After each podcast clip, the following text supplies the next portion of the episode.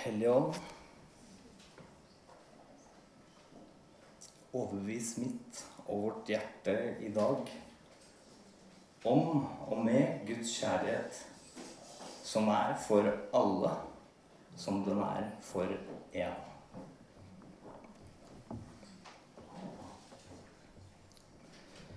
Var det ikke din brennende kjærlighet som en gang meislet ut en stjernehimmel bare for meg å ville øynene på? Var det ikke din brennende kjærlighet som malte meg i et landskap hvor jeg kan vandre fritt? Min tørst og min hunger hadde du allerede tenkt på. Da du med din finger tegnet ut bekker, og dine hender bygde groper som du fylte med vann.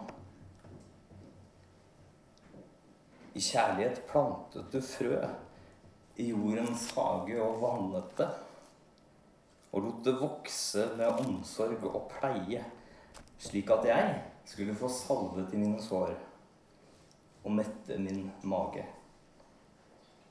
Men fortsatt vil det største undre være din etterjagen og din lidenskap, som er så dyp og så brei at den gikk så langt bare for å fortelle meg hva ditt hjerte er laget og banker av. Den drev deg til å gi avkall på guddommelighet for å finne meg i vrimmelen. Det sier mer enn en bok. Det sier mer enn ord. Tenk at du forlot himmelen for å finne meg i vrimmelen. Det er den største gaven min skaper har gitt meg. Fordi den forteller meg mest av alt hva min verdi er. Hvor min plass er hos han, og hva jeg betyr for han, hvor dyrebar jeg er.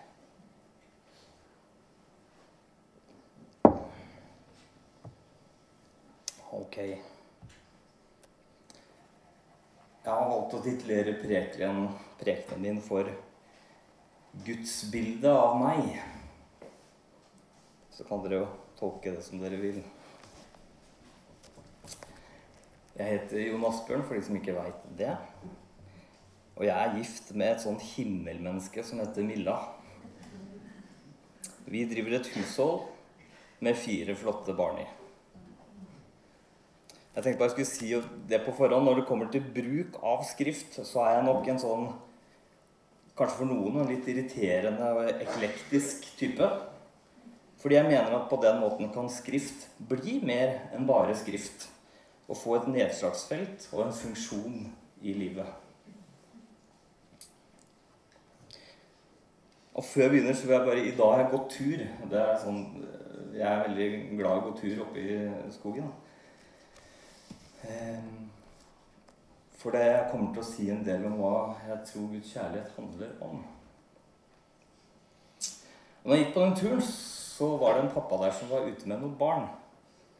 Og så kikka jeg på de barna som var i naturen, og så tenker jeg at noen ganger så tenker jeg at noe av det nærmeste fysiske møtet med Gud, det kan vi rett og slett finne hos barn.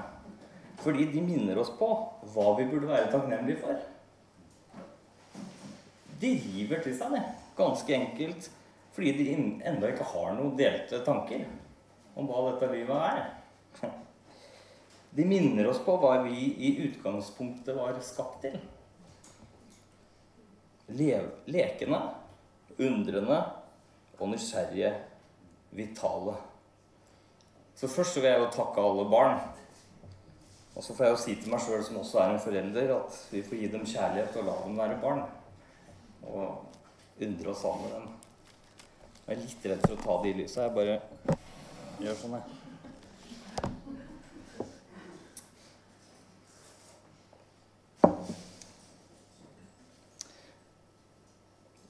Og da kan jeg jo begynne å snakke om noe som jeg har kalt de tre infantile behov. Én, det er anerkjennelse. To, det er kontroll, sikkerhet, trygghet. Og tre, det er egosentriske tanker og handlingsmønstre. Og alle disse tre det er jo en viktig del av det å være barn.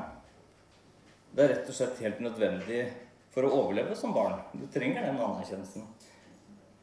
Men jeg har lyst til å se på kan det her være krefter som kan være ganske ødeleggende for oss som voksne.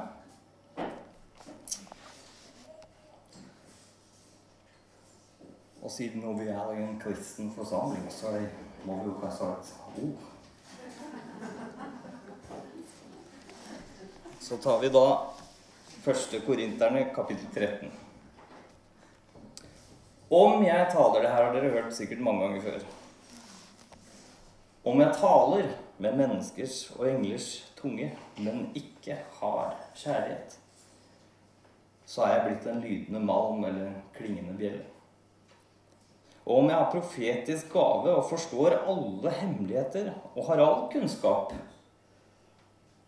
om jeg har all tro, så jeg kan flytte fjell men ikke har kjærlighet, da er jeg ingenting.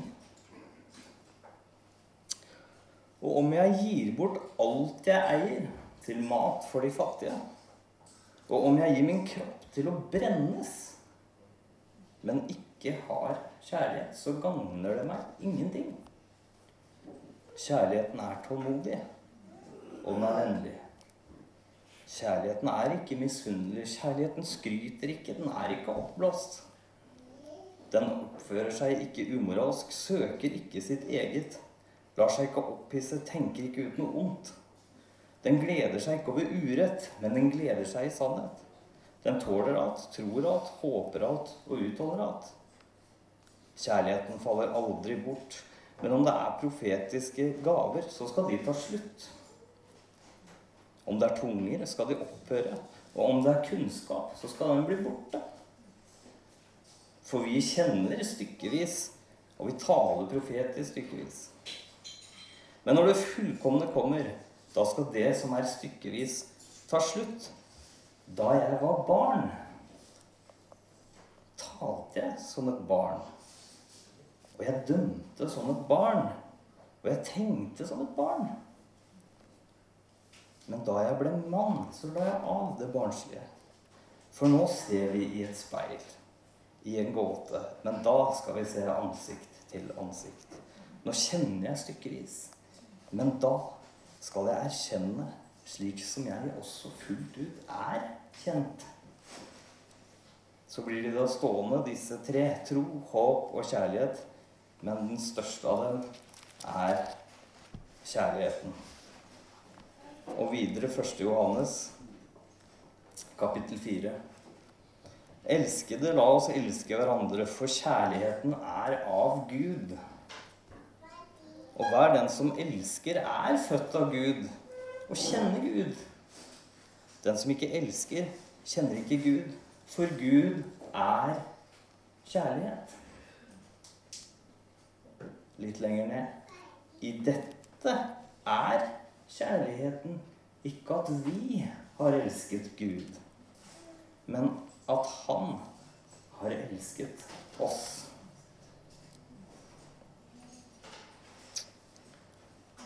Som jeg sa, anerkjennelse det er noe vi trenger, og som barn helt avhengig av.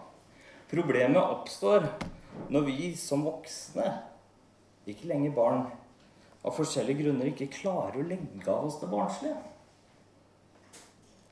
higelsen etter anerkjennelse av andre, det berører ofte mitt eget liv. Fordi jeg enda ikke fullt ut klarer å forstå hele gudsbildet. Og Guds dype anerkjennelse av meg.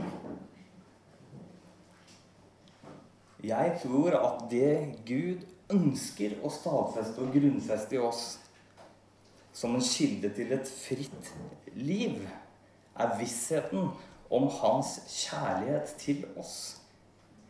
En kjærlighet som jeg ikke trenger å hige etter. Men som allerede før jeg ble født, var meg gitt. Det å få kunnskap og åpenbaring om hans anerkjennelse er en kilde til frihet.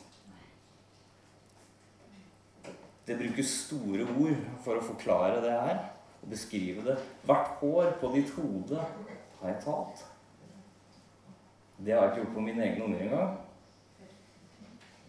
Jeg syns det prøver å beskrive et bilde av noen som er lidenskapelig opptatt av deg. Helt ned på detaljnivå. Du er i sentrum. Derfor, når vi lager begrensninger på den anerkjennelsen eller nåden som er oss gitt, så tror jeg den mister sin kraft i våre liv. Fordi den er i seg selv fri og forbeholdt Han som elsker ubetinget. Og kan ikke legges betingelser på. Se bare på lignelsen Jesus selv bruker. 50 og 500 denarer, men all gjeld likt slettet. Er det rettferdig? To sønner, en arbeidsom og en som ødsler bort hele arven. Han som ødsler bort, blir tatt tilbake, og det blir fest, og de slakter gjøkalven, og det tar helt av. Vi ville kanskje vært mer som han andre, har jeg på følelsen av. Jeg reagert kraftig på at her har jeg vært og jobba hele og ordna og styra hele tida. Men han som har rota bort alt, han, han tar det tilbake, og så er det bare full fart. Vi ville vel satt spørsmål med den rettferdigheten.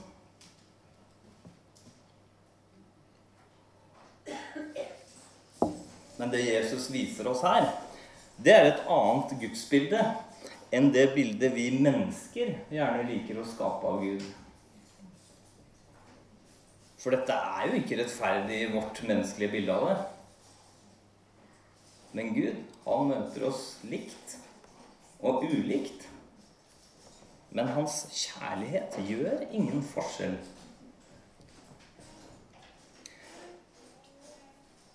Du er ikke mer elsket fordi du har en bekjennende tro.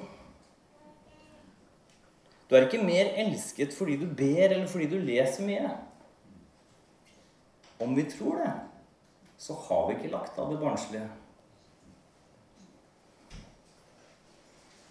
Og det eneste som vil hjelpe deg å se det, det er paradoksalt nok Guds kjærlighet.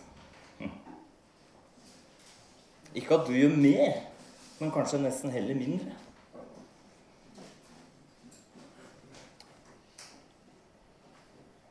Og nå kommer ei lita nålepute for deg som er veldig rettskaffen. Så jeg nesten anbefaler en resept på å gjøre litt feil. For det er jo paradoksalt nok gjennom mine feil jeg har sett tydelige linjene av hans dype kjærlighet. Kanskje er det fordi da er jeg ikke lenger noe sjøl. Da er jeg ikke så full av min riktighet og min perfekthet, slik at mitt eget forsvarsverk er nede. Da er jeg i en posisjon hvor jeg lytter bedre. Når jeg ikke vet alt sjøl, når jeg ikke kan alt. For sann tro, det er jo ikke kunnskap men det er kjennskap. Kjennskap til en tro som aldri kan eies, men som er blitt meg til del. Ikke fordi det var min vilje, men fordi det var Guds vilje. Kjennskap til en tro som tror på meg. Ja, ikke bare meg, men på hvert et menneske som kommer inn i denne her verden. For det er i Jesu tro og i hans forhold til hans far at vi har fått del. Og dette er hvile. Du er fri fra å prøve å vinne hans godkjennelse og aksept. Fordi han har allerede godtatt og akseptert deg. Han har allerede fullbrakt det. Du trenger ikke streve etter å fullføre et verk som er fullført. Den analogien jeg skal ta nå, den er kanskje litt farga at vi har stått i litt oppussing i det siste. Men jeg syns den var veldig god, da. Hvordan ville vi tenkt om vi kom til et hus som var helt nyoppussa, selvfølgelig? Alt var nytt. Alt var ferdig. Det var ikke, det var ikke en flis igjen å rette på. Og så går vi inn i en og der står det en snekker. Og han river opp litt av gulvet. River ned deler av veggen og hamrer og sager og tar ned nye lister og setter opp nye. Hva ville vi tenkt? Kanskje vi ville spurt Hva driver du med, egentlig? Og snekkeren ville svart Nei, nei, jeg bare syns ikke det var bra nok. skjønner du. Det var enda mer som kunne gjøres her. Kanskje burde du begynt å lure. Er han snekker, egentlig? Har han det helt bra? Er han blind? Men langt på vei så har jeg nok vært han snekkeren i eget liv mange ganger. Når det kommer til Jesu fullførte verk og nåde. For det begynner jo ofte med en pyntelist.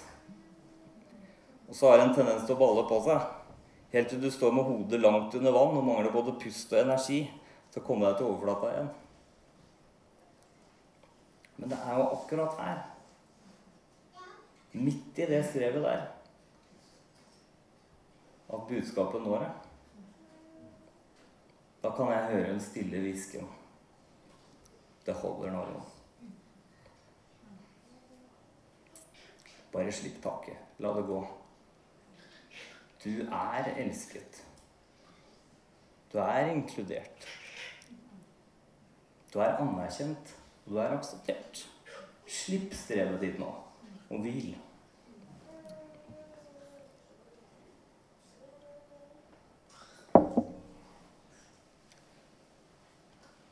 Så er det sånn at vi, Jeg tror vi noen ganger kan ha dette bildet av Gud, men jeg tenker at Gud han blei jo ikke et menneske for å justere sitt eget selvbilde. Han satt ikke oppi der og hadde en dårlig dag.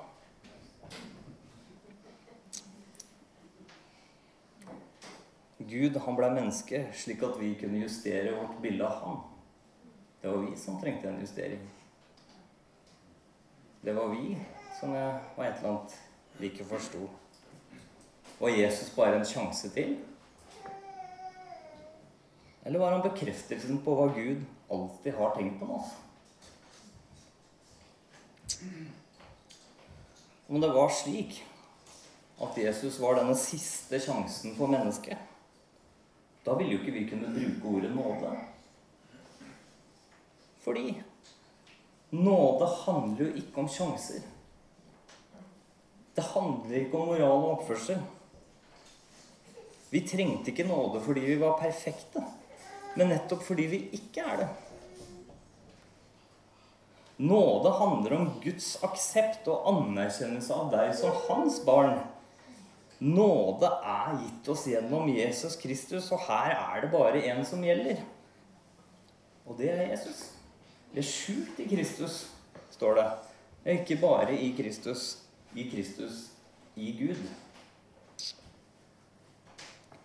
Hva skal vi da si? Skal vi da synde for at nåden skal bli enda større? Nei, på ingen måte. Hvordan kan vi ta nåden på alvor, da? Vi tar nåden på alvor når vi ser at nåden ikke handler om hva du gjør eller ikke gjør. Men at nåden først og fremst handler om Guds ubetingede kjærlighet. Dette er nok et litt annet utgangspunkt for å handle rett. Dette er jo et utgangspunkt som gjør at jeg får lyst til å gjøre rett. Det er vanskelig å gjøre rett om det rår urett i meg. Om mitt bilde av Gud er urett, da blir også mine handlinger deretter. For om Gud kan, så må det jo bare være rett og rimelig at jeg kan. Henger dere med? Det er viktig for vårt bilde av Gud. Det er ganske avgjørende. Det handler om hvordan jeg er et medmenneske også. Hvordan vi tenker at Gud skal behandle mennesker i det store og det hele. Det går stikker ganske dypt, egentlig.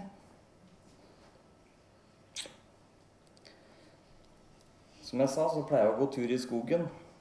Og her en dag så gikk jeg til pumpestasjonen ved Borvannet. Det var en nydelig vær. Sola skinte, og det blåste en svak vind.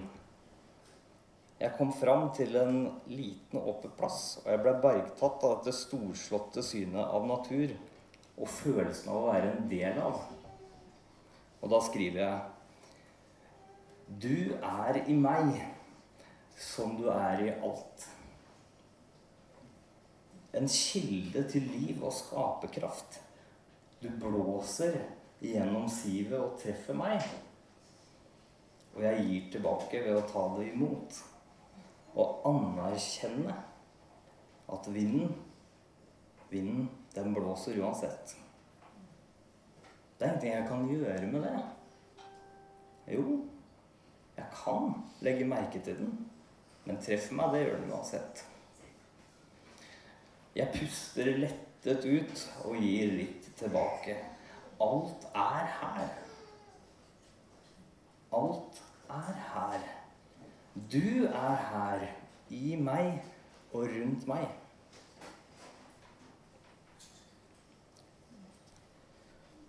For meg så kan jeg konkret både se og finne denne anerkjennelsen i skaperverket. Fordi vannet, det strever ikke. Blomstene, de arbeider ikke. Trærne gjør ingenting for å være trær. Et eplete prøver ikke, tror ikke og har ingen intensjoner eller ønsker om å produsere appelsiner. De bare står og er. Og lever ut ifra anerkjennelsen som allerede er gitt. Men hva er det med oss mennesker, da? som gjør at vi strever og arbeider for det som er helt naturlig for naturen. Er ikke også vi en del av skaperverket? Jeg tror jo dette er løgnen fra starten av. Dere er ikke en del av. Du er ikke en del av. Dere er ikke like. Du er ikke lik. Helt siden det har Gud jobbet for å overbevise oss om sin grunnleggende gode og kjærlige natur. For når vi ser hans natur, finner vi også sannheten om vår natur. Men vi tror løgnen mer enn vi tror Gud. Gud sier, 'Kom igjen, bli med. Delta.' Og jeg svarer Nei, nei, nei, jeg kan jo ikke det. Jeg må gjøre meg fortjent først. Å nei, du. Så enkelt er det ikke.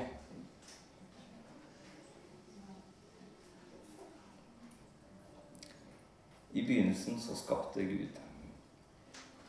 I begynnelsen så var jorden øde og tom. Og mørket lå over overflaten. Jeg slo opp det ordet, 'mørke' fordi jeg lurte på hva grunnteksten av det ordet 'mørke' var. Da blir det i denne sammenheng ingenting. Ingenting lå over overflaten.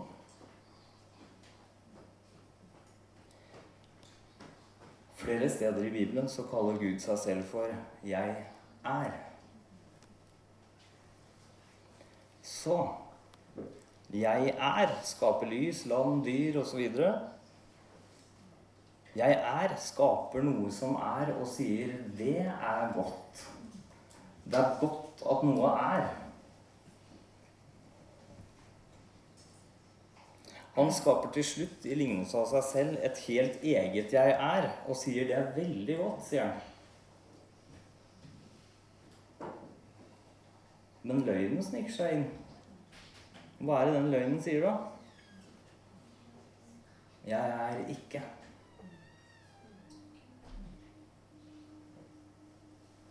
Jeg er ikke lik. Jeg er ikke en del av. Men det er jo en løgn. Nettopp fordi det ikke er sant. Og har aldri vært sant. Det er ganske klart, fordi Gud har aldri skapt noe som ikke er.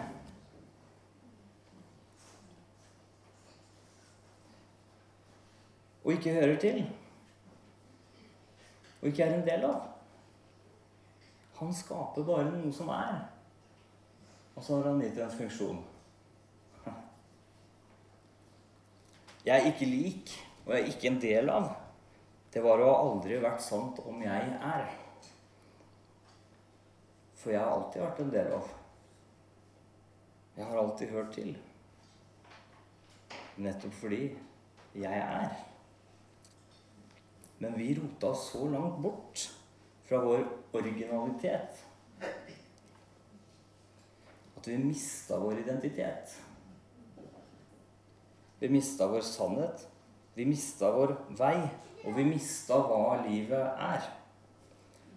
Derfor sier Jesus som menneskesønnen, Gud i lignelse av oss Jeg er. Det er sannheten. Jeg er. Det er veien. Og jeg er. Det er livet.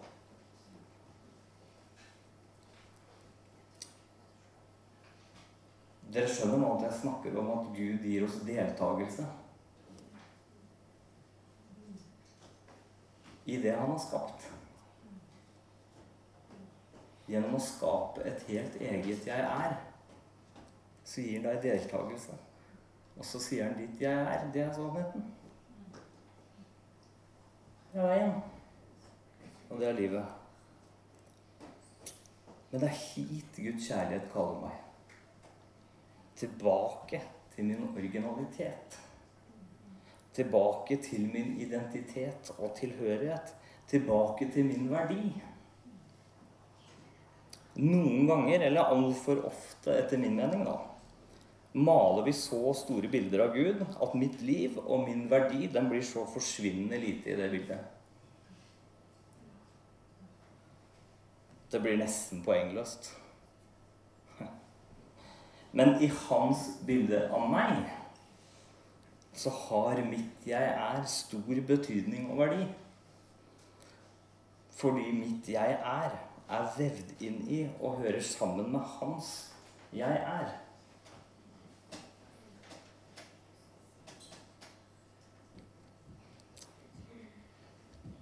Jeg er, eller Jave Det har jeg vært oppe og snakka om før her.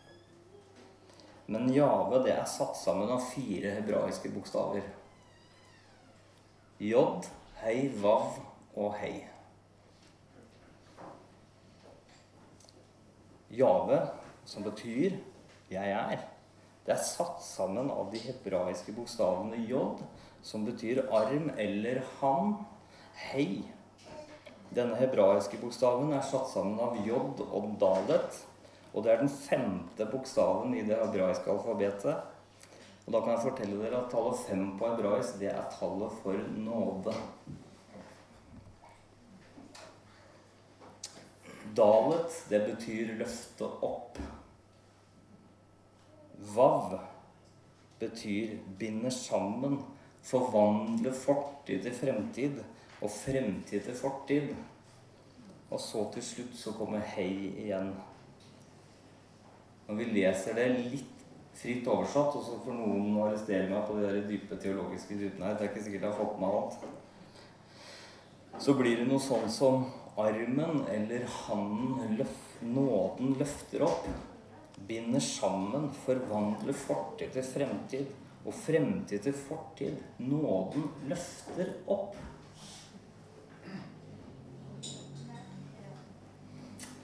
Og da kan vi spørre oss selv om det om det alltid er sånn.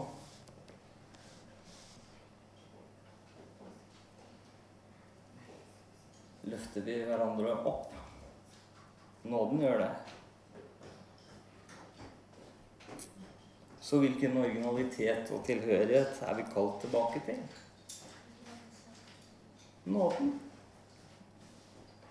Vi er skapt for å leve i nåde. Vi er skapt for å leve i og ut ifra Guds kjærlighet. Men dessverre så tror jeg fortsatt mange ganger løgnen som forteller meg om hva jeg ikke er. Og det er jo synd. Synd fordi det overbeviser meg ikke om min rettferdighet.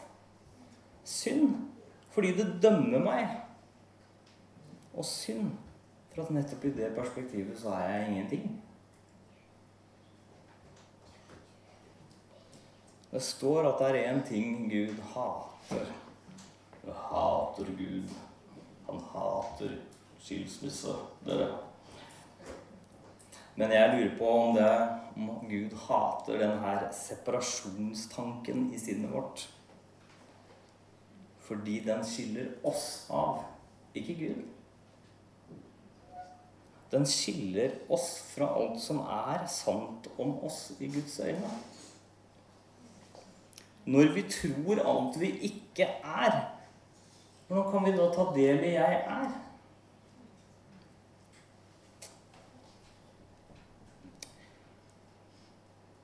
Derfor når Kristus har blitt førstegrøden og vist oss sannheten om oss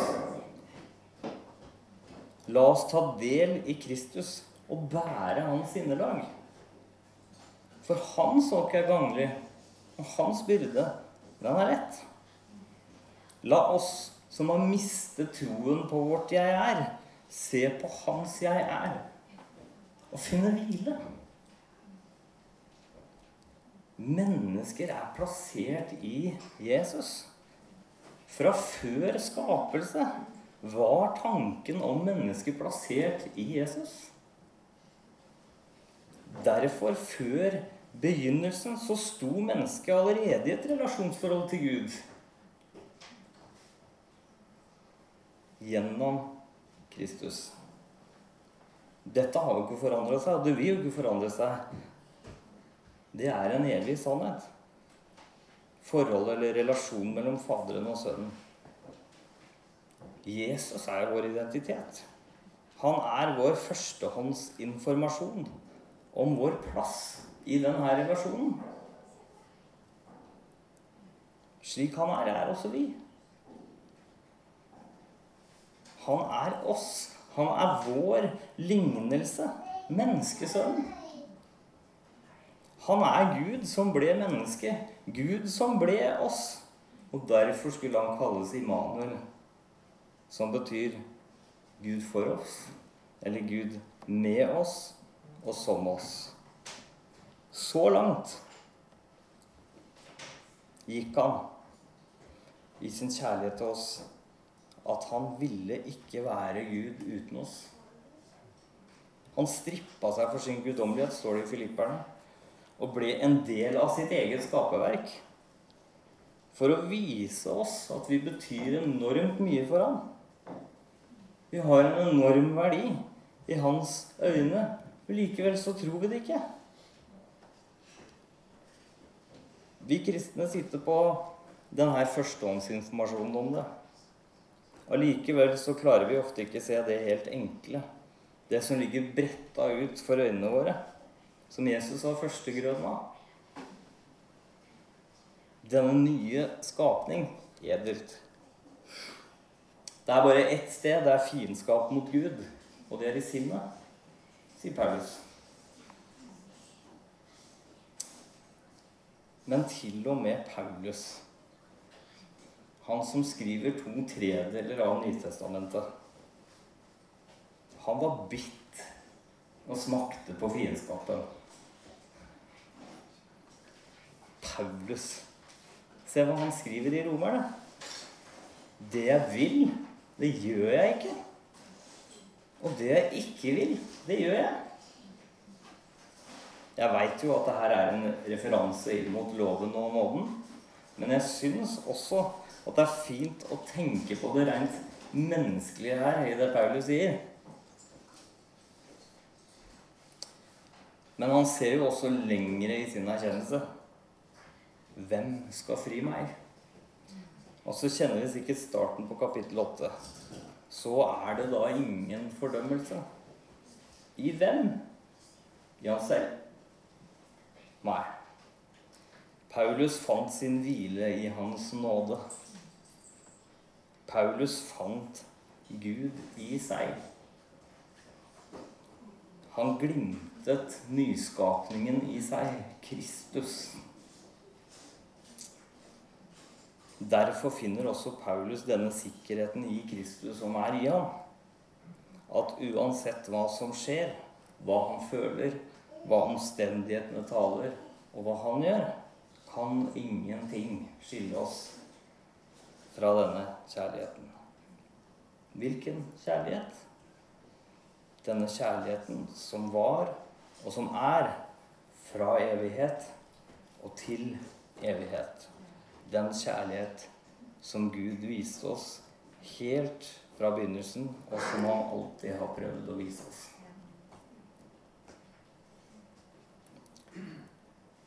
Helligånd, overbevis vårt hjerte i dag om og med Guds kjærlighet, som er for alle, som den er for en.